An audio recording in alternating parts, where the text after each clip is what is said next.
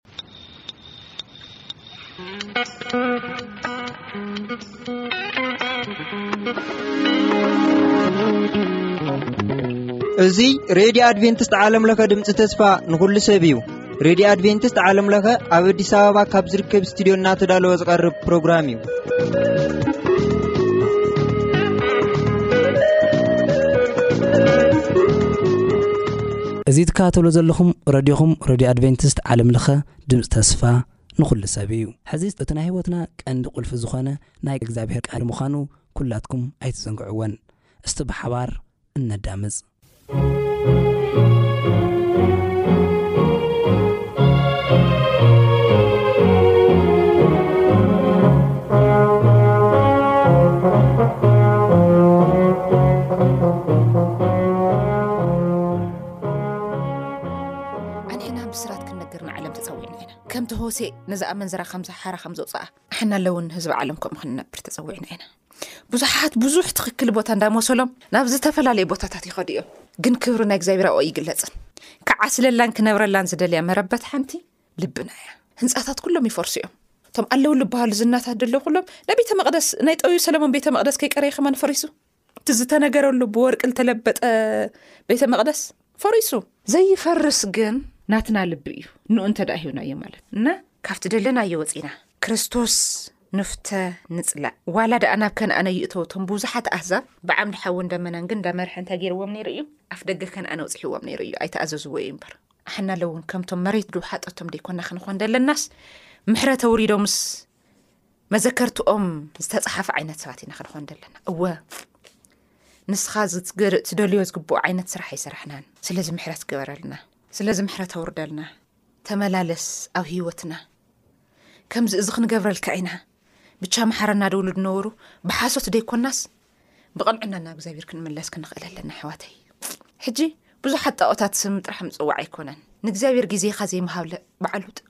ክወግሕ እንክመሺ እንክትውዕል እንክትለዓል ሓለዋኻ ካብ እግዚኣብሔር ወፃኢ እንትኮይኑ እሱ ኩሉ ጣኦት እዩ ምክንያቱ ሂወትካ ክነግስ ንፈጣሪ ይሃብካ እወ ሓጢኣተኛታት ኢና ኣመፀኛታት ኢና ግን ንዘመናት ሙሉእ ሓጢኣት ወዲ ሰብ እንዳገደፈ ነበረ እግዚኣብሔር ጥራሕ ይሕዋተይ ከመይ ኢልና ከምድድላይ ናእንዳበልና ፀኒሕናስ ናብ እግዚኣብሔር ንምለሰ ይትበሉ ድልው እዩ መዘከርታናት ናይ ትማሊ ሓጢኣትና ገዲፉስ ንዘለኣለም ኣብቲ ናቱ ርስቲ ከንብረና ድልው ዝኾነ ኣቦ እዩ ደለና ኣሕዋተይ እሶ ዝደልዮ ቦታ ኣብ ዝደልዮ ሰዓት ክንርከብ ከይንርስዖ ግን ትበዓብ ንሐዊ ዝመርሐና ዝነበረ ክፀምአና ከሎ ማይ ዘስትየና ኮክሕ እንዳፈልፈለ ቁሩ ከይኮነና ብሓዊ ከይኮነ ብሓዊ ይመርሕ ነይሩ ዋ ገርመኩም ከይፀልምቶም ከዓኒ ፀሓይ ከይኮኖም ከዓኒ ብደመና ይመርሖም ነይሩ ጫምኦም ከዓኒ ሰኣነ ይወድኡን እግሮም ከማን ማይ የለውለወይ ስደት ሓቀይ ኬድካስ እግርካ ታይ ይኸውን ብፅማኣት ማይ ሞት የለውዩ ድዮም ስደት ንርኢ ኮለና ብዓለም ከይብሉ ከየምርሩ ከማን ሰብ ኩሉ ሕድሕዱ ቦታ ይግለፅ ነይሩ ተረዲእኩም ኣሕዋተይ ሓና ከኣ ንብዙሕ ነገራት ከምዚ ገርና እግዚኣብሔር ስካብ ዝሕጀሳ ገርና እዩ ግን ንሱ ዘይገልፅ ቦታታት እንተ ደኣ ሃሊና ሕጂ እውን ንመለስ ከምዚ ይፅውዐና ናብ ምንዝር ንኸይድ ንመፅእ ናብ ምንዝር ንኸይድ ካብ ምዃን ነፃ ወፅእና እግዚኣብሔር ብነፅ ብዝኸብረሉ መንገዲ ክንግለፅ እግዚኣብሔር ጠጉ እዮ ዝሐልና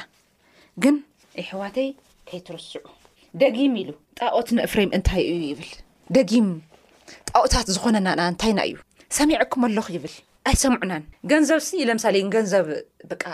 ስራሕ ቢዙ ኮንካ እንታይ ገይረ ዳኣ ክነብር እንታይ ዳኣ በሊዕ ሰሪሐ ዳኣ ክበልዕ እግዚኣብሔር ንኣኻ ክፈጥረካ ከሎ ኣብ ልኾነ ቦታ ክድረበካ ኣይኮነን እግዚኣብሔር ንህዝቢ እስራኤል ካብ ግብፂ ባርነት ከውፅኦም ከሎ ኣብ ከረን ሲና ከጥፍኦም ኣይኮነይ ኣምሂሩ ኣምሂሩ ኣምሂሩ ስሒሉ ስሒሉ ስሒሉ ከነኣን ከብርሶም እዩ ነይሩ ዕላማኦም ግን ኣርባዓ መዓልቲ ብርባዓ ዓመት ቀይሮሞ ዝሕዝን ታሪክ ኣንሕና ከዓ ንሕዋተይ ከምዚ ኣርባዓ መዓልቲ ኣብ ማይ ዝተንሰፈፈት መርከብ ናይ ኖህ ምቕናስ ይከኣል እዩ መከራኻ ተደራደር ያቆብ ተደራዲሩ ከነእዝሚ ሙሴ ከጥፍኦም እግዚኣብሔር ክመፅእ ከሎ ዓሰርተ ኣርባዕተ ሽሕ ህዝቢ ጠፍኡ ኣብ መንጎ ዞም ዝጠፍኡን ዝሞቱን ብሂወት ዘለውን ግን ኣትዩ መን ንኣሮን ልኢኽዎ ብጣዕሚ ብጣዕሚ ኢኹም ትግረሙ መን እዩ መን እዩ እሙን ኣገልጋሊ መን እዩ ንእግዚኣብሔር ዘገልግሎ ብእምነት ኣንሕና ኣሕዋተይ ቁጥዐ ንዓለም ቀነስቲ ኢና ክንኾን ደለና ኣንሕና ካብቲ ደለናዮ ወፅእና ኣህዛብ ካብቲ ዘለዎ ወፂኦም ናብቲ ናይ ደንበ ክርስቶስ ኹም ወፅእና ክንገብር ደለና ናይ ምቕናስ ዓቕሚ ኣለና ምክንያቱ ንስኻትኩም ስ ካህናት ናይ መን ኢኹም ኣምባሳደራት ኣምባሳደራት ናይ መን ኢኹም ናይ ክርስቶስ ቅዱስ ዕጣን ክንዓጥን ዝተፀዋዕና ሰባት ኢና ንካልኦት ዕጣን ክንዓጥነሎም ግን ኣይኮነን ንእግዚኣብሔር ንኡ ጥራሕ ስለዚ ታይ ክንኸውን ኣለና ኣሕዋተይ ኣነ ከምዚ ለምለመ ፅሕዲ ፍረ ኣበ ረኹሙን ኣበ ፅድቂ ከስካብ ዘዝነወልኩም ተፀበዩ ኢልዎም ተፀብዮም ሽዑ ኸኣ ንፅድቂ ዝርኡ ኢልዎም ፅድቂ ዘሪኦም ምሕረት ከኣ ንረኺቡ ዝሓለፈ ግን ሞት እዮም ዘሪኦም ሞት ዓፂዶም ስለዚ ኣሕዋተይ ንሕና ኸኣ ካብ ከምዚ ዓይነት መፈንጥራ ነፃ ወፂእና እግዚኣብሔር ከምዚ ለምለመ ፅሕዲ ክገብረና እዚ ምድሪ እዚ ሓላፊ እዩ ኢለኩም እየ ኣይኮነን እዚ ምድሪ እዚ ይብለኩም ኣለኹ እየ እቲ ብጣዕሚ ዝመረፆ ንጉስ ጠቢብ ሰለሞን ዘሰርሖ ህንፃስ ይብለኩም ኣለኹ እየ ባቢሎን ሞፂ መፂ ሕምንፍስ የሉ ኣፍርስ የሉ ታሪክ ዛንታ ከምዘይ ፀሓፍ ገይሩ እዩ ኣፍሪስዎ ረእዎ ኣሕና ግን ዘለኣለማኦ ዝኾነ እዩ ልብና እንተሂብናዮ እግዚኣብሔር ከዓ ይዓስል ይኸብር እሱ ከኣ ንታሪክ ይሰርሕ። ስለዚ ይብል ኣብ መደምደምታ ሆቲዕ ናይቲ ዛንታ እዚ መደምደምታ ከቕርበልኩም ከለኹ መደም ናይዞም ነብያት እየ ደቕርብ ደለኹ እዞም ነብያት እዚኦም እንታይ እዮም ገይሮም እግዚኣብሔር ዝበሎም እዮም ገይሮም ኣሕና ከዓኒ እግዚኣብሔር ዝበለና ግን እግዚኣብሔር እንታይ ይድብል በበየናይ ነቢ እዩ ዝዛረብ ክንዲ ኣብዚ ሕጂ ሰዓት ሓሰውቲ ነብያታት ኣለዉ ዘየለ ዘየለ ታሪክ ዝነብሩ እግዚኣብሔር ስለይካ ነጊሩኒ ሆሴ ዝተላእኮ ትኽክለኛ ሓጥያቶም ነጊርዎ እሱ ከኣ ንእግዚኣብሔር ዝኣዘዞ ገይሩ ኣመንዝራ ኣትዩ ስለምንታይ ዝመንዘረ ትውልዲ ዝሓጥየ ትውልዲ እቶም ናብቶም ምንዝሪ ከይዳቶም ዝነበረት ከናሽውዋ እምበር ከኽብርዎ ኣይክእሉን ከኽብራ ዝኽእል መን ጥራሕ ነይሩ ሆሴ እዩ ነዚ ህዝቢ እዚ ከኽብሮ ዝኽእል እቲ ዝሰግደሉ ደሎ ጣዖት ደይኮነስ ትገዲፍዎ ደሎ ኣምላኽ እዩ ከኽብሮ ድኽእል ስለዚ እግዚኣብሔር ከዓ ንራሕርሐሉ ይብል ጥርዓናይ ሆሴ ከዓ እንተሰምዐ ናይ ሆሴኢ ተሰሚዑ ባይዘወይ ቅኑዕ ስለ ዝነበረ እግዚኣብሔር ዝበሎ ስለ ዝተኣዘዞ እግዚኣብሔር ሕድሕዳ ነገርን ዝብለና እንተ ደእ ተኣዚዝና ንግዜኡ ክኸፍአና ይኽእል ይወ ኣብ ምንዝራ ሰበይት ኮእዩ ተመርዑ ሽምካ ይሓስር ከም ድላያ እያ ትኸውን ተረዲእኩም ድዩ ከም ድላያ እንድያ ደኣ ኮይና ግን ኣምፅእዋ ፍተያ ኢልዎ ርሓርሐላ ኢልዎ እዚ ዘርእየና እዚ ህዝቢ ክርሕርሐሉ ዝኽእል ንሱ ጥራሕ ከም ድኾነ ዝፈትወና ዝሓዝነልና ንሱ ጥራሕ ከም ድኾነና ኣሕዋተይ እግዚኣብሔር ናብ ዝርከቦ ደንበ ክንመፅእ እግዚኣብሔር ፀኩ የብዝሐልና ጣቆታት ዝኾነና ነገር ደርቢና ንስኻ ኢኻ ናይ ዘለኣለም ኣምላኽ ኣነ እና ቤተይስ እነምልኽ ኣምላኽ መሪፅና ኢና ኢልዎም እያሱ ሕጂ ንስኻትኩም ካብ ብሕጂ ንድሓር ተምልኽዎ ኣምላኽ ምረፁ በቃ ይኣክል ኢልዎም ሕጂ ኣሕዋተይ ተምርፁ ተምልኽዎ ኣምላኽ ተገልግልዎ ኣምላኽ ካብ ብሕጂ ምረፁ ካብ ምንዝር እንታይ ትምንዝርና ወይ ሰበይቲ ወይ ሰብኣይ ለጣዓመት ኣይኮነን እግዚኣብሔር ንእግዚኣብሔር ስግደት ገዲፍካስ ንካልኦት እግዚኣብሔር ኣብ ዝርከቦ ቦታ ኣገልግሎት ገዲፍካስ ኣብ ካሊእ ቦታ ምውዓል ረድኤትካ ካሊእ ምግባር ብቃ ገንዘበይ ከትርፈኒ ኢልካ ምእማን ፍልጠተይ ከትርፈኒ ኢልካ ምእማን ጉልበት ኣፍራስ ንግስና ናይ ምድሪ ሓይሊ ከትርፈኒ ኢልካ ምእማን ኣብ ምድሪ ዋን ዋላ ሓደ ክትርፍ ዝኽእል ኣካል ይነበረ እቶም ነፍሊም ኖህ ክሰብ ከሎም ከሎ ተመለሱ ተመለሱ ተመለሱ ዋላ ሓደ ይነበረን ስብከት ሚትን ዕስራን ዓመት ዝኣክል ሰው ይኹ ሆሴእ ክንዲ ዓመት ከም ሰበካ ኣይፈልጦን ኣብ ናይ ኖህ ግን ሚትን ዕስራን ዓመት ይብል እንታይ ይብል ከም ደሎ ትፈልጡ ዲኹም ይላገፂ ደሎ ዩ ድብሉ ነይሮም ምክንያቱ በቲ ሽዑ ሰዓት ምድሪ ካብ ትሓትሚ ካብ ትሓቲ መሬት እዩ ማይ ዝፈልቕ ነይሩ እዞም ኣህዛብ እዚኦም ከኣ ካብ ጣዖትኩም ተመለሱ ክብሎም ከሎ እግዚኣብሔር ዝደቀሰ ዘየለ ገይሮም እዮም ዝሓስቦ ነይሮም ግን እግዚኣብሔር ነይረ እዩ ዝፋሉ ተቐይሮ ይፈልጥን ይብለኩም ኣለኹ ኣይቅየርን እግዚኣብሔር ንቕየረ ንሕና ኢና ሓሳባትና ንቕይር ንኽሕድ ንጠልም ንሕዝን ንብድል ነናሹ ወገነይ ክነግረኩም ከምዚ ንኸውን ንሕና ኢና ካብ ከምዚ ዓይነት ግን ነፃ ነውፃእ እግዚኣብሔር ዝተዛረቦ ገዲፍና እግዚኣብሔር ላብ ዘይተዛረቦ እግዚኣብሔር ዝኸብሮ ገዲፍና እግዚኣብሔር ላብ ዘይከብሮ ካበይ ኮ እዩ ዝጅምር እቲ ጣዖት ብሓይሊ ይምካሕ ብጥበብ ይምካሕ ብጉልበት በፍራስ ብነገስታት በደይ በቦይ ዋላ ንሶም ኣዶ እኮ ይብል ትንቢተ ኢሳያስ ኣዶ ኸማን ዝወለደቶ ክስካብ ትገድፍ ይብል ኣነ ግን ንኣኻስ ኣይገድፈካን ኣይክገድፈካን ከመይ ኢለይ ጭክን ብኣኻ ይድዎ ኣንተ ኣፍሬም ብኣኻስ ከመይ ኢለይ ሓድገካ ከመይ ኢለይ ሓልፈካ ዋላ ንስኻ ጥምብዝ ዝበለ ሰካራም ኩን እምበር ኣነስ ንኣኻ ድኸውን ርሕርሕር ምሕረት ሰለኒ ይብል ስለዚ ንሱ ከዓኒ ይራሕርሕሉ ኣሱራ ይራሕርሕሉ ወይ ሚድያማውያን ይራሕርሕሉ ወይ ናይ ግብፂ ንጉስ ይራሕርሕሉ ማንም ይራሕርሕሉ እንዶም ከማ እንታይ ድልብል ኸይዶም ቀይሕ ባሕሪ ክሳገሩ ከለዉ ግብፂ ነዞም ሰባት እዚኦም ክሓልፍ የብሎም ብሱርስ ኣብዚኣ እዮም ክጠፍኡ ደሎም ኢሉ ክመፅእ ከሎ መጥፍኡ ባዕሉ መንገዲ ገይሩ ኣብዚ ባሕሪ እዩ ጠሊቑ ሞይቱ ኣብ ልዕሌና ዋላ ሓደ ክስልጠን ኣይፈቀድን ንእግዚኣብሔር እንዳተጓዓዘ ምስ እግዚኣብሔር እንዳነበርና እቲ መከራና ላዕላይ ክኸውን ይኽእል እዩ ግን ክብሪ ንመን ምዃን ንፈልጦ ኢና ኣኽሊል ኣለና ኣኽሊል ንፈልጥ ሓደ መዓልቲ ኣኽሊል ከም ንደፍእ ንፈልጥ ኢና ንናይ ምድራዊ ኣጀንዳ ክንውዕል ከለና ግን ሞት እያ ትቐድም እስከ ክዱ ነገስታት ምድሪ ብሃፍቶም ክምክሑ ከለዉ ሳይነስ ተመራመርቲ እግዚኣብሔር የለን ዝበሉ ንኡሰ ጊድና እንታይ ተጠቒምና ዝበሉ ንኣኻ ብምስዓዊ እንታይ ተጠቒምና ዋ ኣሚልካ ዝመጽሓፍ ክዱ ንኣኻ ኣገልግልና ሰተ ጥቒምና ኢሎምስ ብውሽጦም ሓሚዮምዎ ንእግዚኣብሔር እግዚኣብሔር ከዓ ንሓሚዮቶም ሰሚዑ ኣኾሪኹምኒ ኢልዎም ኣኾሪኹምኒ ኢልዎም እንታይ ገይርና ኮሪናካ ክብሉ ከሎ ሓሚኹምኒ ንኣኻ ብምግልጋልና ሳይ ተጠቕምና ኢልኩም የስ ከምኡ ድብል ትውልድ ኮ እዩ ደሎ ንእሽተይ ገልግል ኣገልግል ኣገልግል ተብል ንእግዚኣብሔር እሞ ድሓርስ ዝኾነ ፀፃ ትደሊ ዋ ኣንሕና ኮ ምድራውያን ኣይኮናን ይሕዋተይ ክኸፍአና ናይ ግድን ዋ እቲ መድሕና ከማን ተሰቒሉ ኣሕናኽ ስለምንታይ ለይከፍኣና? ኣንሕና ዝምችወና ኣብዚ ንናይ ዘለኣለም ህይወት እዩ። እዛ ምድሪ እዚኣ ዓመፃን ናይ ዓመፃን ውፅኢት ዘለዋ ንሓደ ከማን ኣይትርሕርሕን ንናይ ባዕላ ንብረት ከማን ትወቅስ ትብድል ሕሊፋት ሰሪእካ እንታይ ኢልለካ ውሽጥኻ ሰራቂ እግዚኣብሔር ግን ሰራቂ ይብለካ ምሕረት ይግባኣካ ኢሉ ኢሉ ርሕርሓልካ ምክንያቱ ኣንሕና ካብኡ ደንበ ብዝረሓቕና ቁፅሪ ናበይ ከም ንኸይድ ስለ ልፈልጥ እንታይ ይግብር መስለኩም ኣሕዋት እግዚኣብሔር ይርሕርሐልና ይመልሰና ስለዚ ንስኻትኩም እንታይ ኢኹም ክትኾኑ ደለኩም እግዚኣብሔር ናብ ዝርከቦ ደንበ ከምዚ ትሸዓተ ሰላሳን ሽዱሽተን ማቴስ ወንጌል ርእወን ዘንደንበታት ዘነባጊዕ ርእወን ሓላዊ ይብለንን መምሃራን የለውይ ኣዛብ ሓሶት እዮም ድምህሩ ብጣዕሚ ኢኹም ትሓዝኑ ዋ ከምዚ ሕጂ ዝደፈረ ሰዓት የለን ሰብ እተን ደንበታት ረኪብና ኢሎምስ በቃ ደይለ ትምህርቲ እዮም ደምህርዎም እሶም ከዓኒ በቃ ናይ እግዚኣብሔር ክፍሪ ደሎ እንዳመሰሎም ናብቲ ደንበ ንሱ ይዓስሉ ናብቲ ቦታ ንሱ ይኸዱ ግና ኡኡ እግዚኣብሔር ኣይርከብን ሓደ ሓደ ብቕንዕንኦም ከዓኒ በቃ ንእግዚኣብሔር ንሕጉሶ ንኸውን ኣለና እንዳበሉ ናብኡ ይኸዱ ግና ይርከብን ኣብ ኣሕዋት ኣብኡ እግዚኣብሔር ኣይርከብን ስለዚ ኣብዩ ዳኣ ኢልርከብ እግዚኣብሔር ኣበይ ደኣ ከድና ኢና ንረኽቦ እግዚኣብሔር ኣብ ግብፂ ኣብ ኣሶር ኣብ ናይ ኣሜሪካ ዋይት ሃውስ ወይም ደሞ ኣብ መስጊዳት ወይም ኣብ ገለ እግዚኣብሔር ኣብ ኩሉ ቦታ ይርከብ ንኩሉ ሙሉእ እዩ ዝተደረተ ቦታ ኣይኮነን እግዚኣብሔር እንተ ደኣ እግዚኣብሔር ፀዊዕናዮ ሕጂ ከተፍ ሕጂ ክመፅ ድኽእል ኣምላኽ ይደለና ኣይንረሳዕ እዩ እግዚኣብሔር ደገታት እስራኤል ዝሕልው ደገታት ምድሪ ዝሕልው ኣምላኽ ምዃኑ ኣይትረስዕዎ ዋላ እንተዘይፀዋዕናዮ ሓለኡ ዘቋርፅ ኣይኮነ ክነክሕድ ከለና ዝክሕድ ኣይኮነን ስለ ዘንሕና የሕዋተይ ካብ ናይ ሓሶት ኣምላኻዊ ስርዓት ካብ ናይ ምንዝር ታእያ ትብለላ ታይና ምንዚርና ታይና ኣገልጊልና ልብል ነገር ክህልው እንከሎ ብስርዓት ንእግዚኣብሔር የገልገልናዮን እግዚኣብሔር ኣብዝዓስለሉ መንፈስ ይዓሰልናን ብኣንደበትና ኣየክበርናዮ ክብራ ይሃብና እዩ ንግሆን ቀትርን ይጽሊ እኮ ኣለኹ ዘመነይ ምሉእ እኮ ቤት ኣምላኽ ተመላሊሰ ፍረደ ፍሪኻ ይመላለሱ ነይሮም እዮም ግን እንታይ ድም ዝገበሩ መሲልኩም ከምቲ ኣብ ቤተ መቅደስ ሰለሞን ዝሰርሖ ኣትዮም ሕቕኦም ንእግዚኣብሔር ስግዳን ንጣዖት ነይሩ ኣብ ቤት ኣምላኽ ኣቲና ክ ንምንታይ ኢና ንእግዚኣብሔር ነላግጾ ደኾን ክሰምዐኒ ይኸውን ክንብል ከለና ንእግዚኣብሔር ላግጻ ዶ ይመስለኩም ኣይክእል ምባል ካሊእ ኮይን ካብዚ ቦታ እግዚኣብሔር ኮ ብሓቅን ብመንፈስ እንተገልግሎ ሰብ እዩ ዝምርጽ ብሓቅን ብመንፈስ እንተዘይተገልግሎ ንስኻ ጠቃ ሕጂ እውን ኣመንዛሪ ኢኻ ምክንያቱ ንካሊእ ኢካ ትኣምን ማለት እዩ ብናይ ባዓልካ መንገዲ ምካድ ኣይትመካሕ ይብል ንስኻ ፅባሕ እንታይ ኢኻ ከም ዝቆምፀለ ቆፅሊ ይብል ባ እቲባቢሎን ንጉስ እኮ እዩ ሳዕሪ ዝበልዐ ንግስነተይ ንዘለኣለም እዩ ዘለኣለም ዝበሃል ናይ እግዚኣብሔር ንግስነት ጥራሕ እዩ ዝቕምፀሉ እዮም ብወርቂ ለብጦ ድሕሪ ግዜታት ወርቂ ዘብል እዩ ንጠፍ እዩ ናይ ምድሪ ሓይልታት መፅኦም ዘወርዎ እዩ በቃ ኣህዛቤስ ኣብዚ መፅኦም ሲስገዱለይ ዝወለሉ ቦታ መፅኦም እዮም ቐምፂ ኢሎም መፍሪሶሞ እቲ ህዝቢ ዳኣ ኣበይ ከይዲ እገልጊሉ ተወሲዱ በሪሱ በሪሱ እዚ ከተማ በሪሱ ንባቢሎን ተወሲዶ እቲ ባቢሎን ኣገዲዱ ስገዱ ክሎም ከሎ ክንመውት ኢና እምበር ዋላ የድሕነና እምበር ኣይክንሰግድን ኢሎም እግዚኣብሔር ከንኦም ዘይተረኸበ ዶ ይመስለኩም ተረኺቡ ዓለም ብምልኡ በዝሒ ቁፅሪ ኣይንርአ ሕዋተይ እዚኦም እዮም ብዙሓት ናብዚ ንኸደ ይትበሉ እግዚኣብሔር ሓደ ክኸውን ይኽእል ናብቲ ሓደ ክዱ ይኣክል እዩ ናይ እግዚኣብሔር መንፈስ ብምልኡ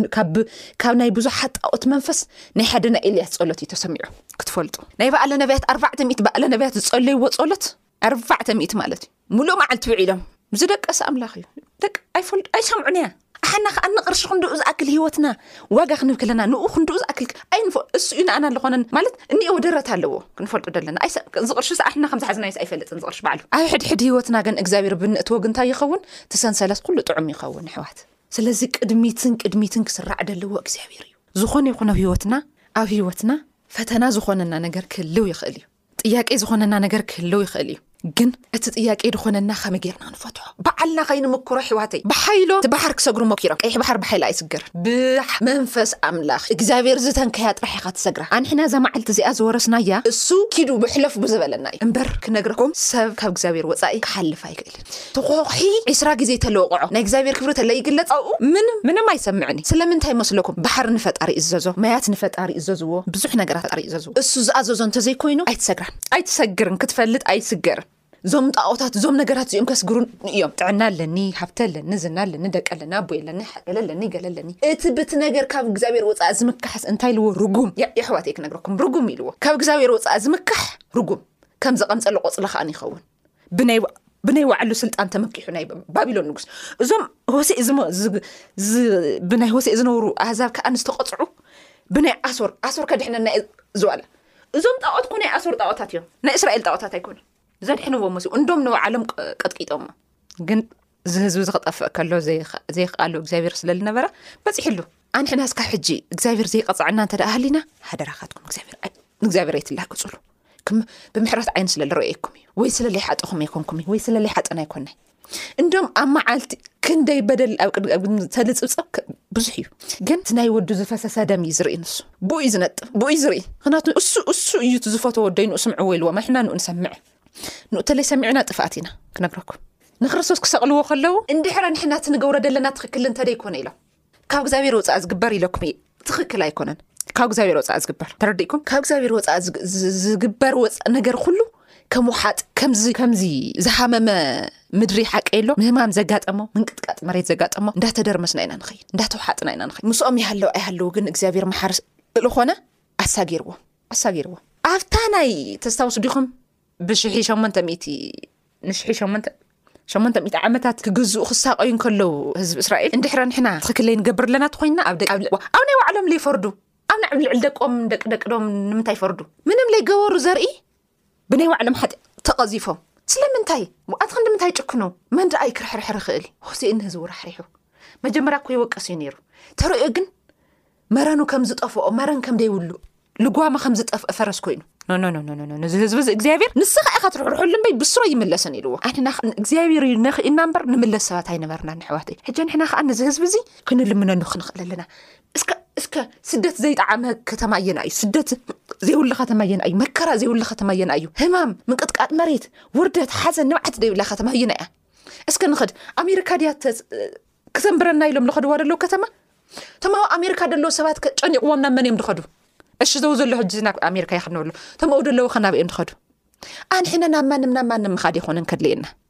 ናብቲ ትማሊ ከይፀዋዕናዩ ዝበፅሓልና ናዊና ክንኸይድ ኣለና ብሓሶት ትምህርቲ ዝወደቕናዩ ከይኣክለና ብጣኦት ብምግልጋል ቀዳሞት ብምዃን ዝኾናዩ ከይኣክለና ሕጂ እውን ካብ እግዚኣብሔር ምውፃእ ሂወትና ንኩኹብልል የውልይ በቃ ሓደራኻትኩም ኣሕዋተይ እዚ ነገር እዚ ክዛዝሞ ከለኹ ግን እግዚኣብሔር ከመይ እዩ ዝዛረብ ክንብል ከለና እግዚኣብሔር ምዘራብ ኣቋሪፁ ኣይፈልጥን እግዚኣብሔር እንተቋሪፁ ከቢድ እዩ ኣንሕና ግን ክንሰምዕ ኣለና ንእሽተይ ዛረብ ዓዊ ፅኒ ኢልና ክንፈልዩ ክንኽእል ኣለና ኣብቲ ሚልክያስ ዘመኑ ዝናገርሉ ሰዓት ሓሚኹም ንክሎም ከሎ ከምዝሓመዩ ተረድእዎም ቶም ናይ እግዚኣብሔር እቶም ንእግዚኣብሔር ዝፈርሑ ሽዑ ብውሽጦምሲ እወ ንእግዚኣብሔር ክንሓሚሙ ነበረናይ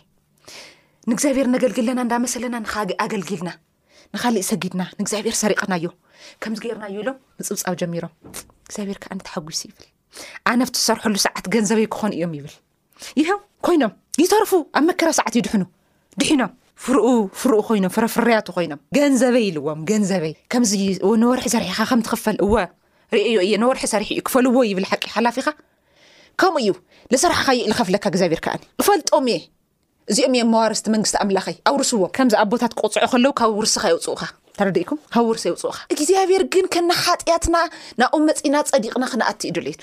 ክንጠፍእ ድሌቱ ኣይኮነ ንሕዋተይ ካብ ብሕጂ ንድሓር እግዚኣብሔር ኣብ ዝኸብረሉ ኣጀንዳ ኢና ክንርከብ ደለና ንሕዋትና ንወገንና ከዓኒ ቀስቀስቲ ንኹ ክዛረብ ከሎ ዝስሕቕ ዝነበረ ህዝቢ ሕጂ እውን ከምኡ እዩ ዝላገፅ ህዝቢ ይስሕቅ ዋእ እምበኣርከስ እቲ ናሃትካ ኣምላኽ ይድሕን እዩ ከምኡ ይብሉ ነይሮም እስካብ ሕጂ ትሰብኻ ኣለኻ ንምት ዕስራይ ዓመት ሕሰዎ እስካብ ሕጂ ትሰብኻ ኣለኻ እግዚኣብሔር ክመፅእ እስካብ ሕጂ ትብል ኣለኻ እቶም ናትና ኣማለኽቲ እኮ ይሕሹ ኣብየ ዳኣ ኣሎ ዝመፀ ኣብይ ዳኣ ኣሎ ከም ዝገበረ ግን እግዚኣብሔር ሕጂ እውን ክመፅ ንመን ንኩሉ ነገር ከስተኻኸል ንኩሉ ክቐፅዕ ግን ስለምንታይ ከይጠፍኣና እንዳሃለና ናብቲ ንሱ ደንበለይ ንመፅእ ኩሉ ሱ ዘይኸ ንኸድ ዝና ፍልጠት ርእሲ ኣነ ሓደ ሓደ ግዜ ኮፍ ኢለ ክሓስቦ ከለኹ ሲ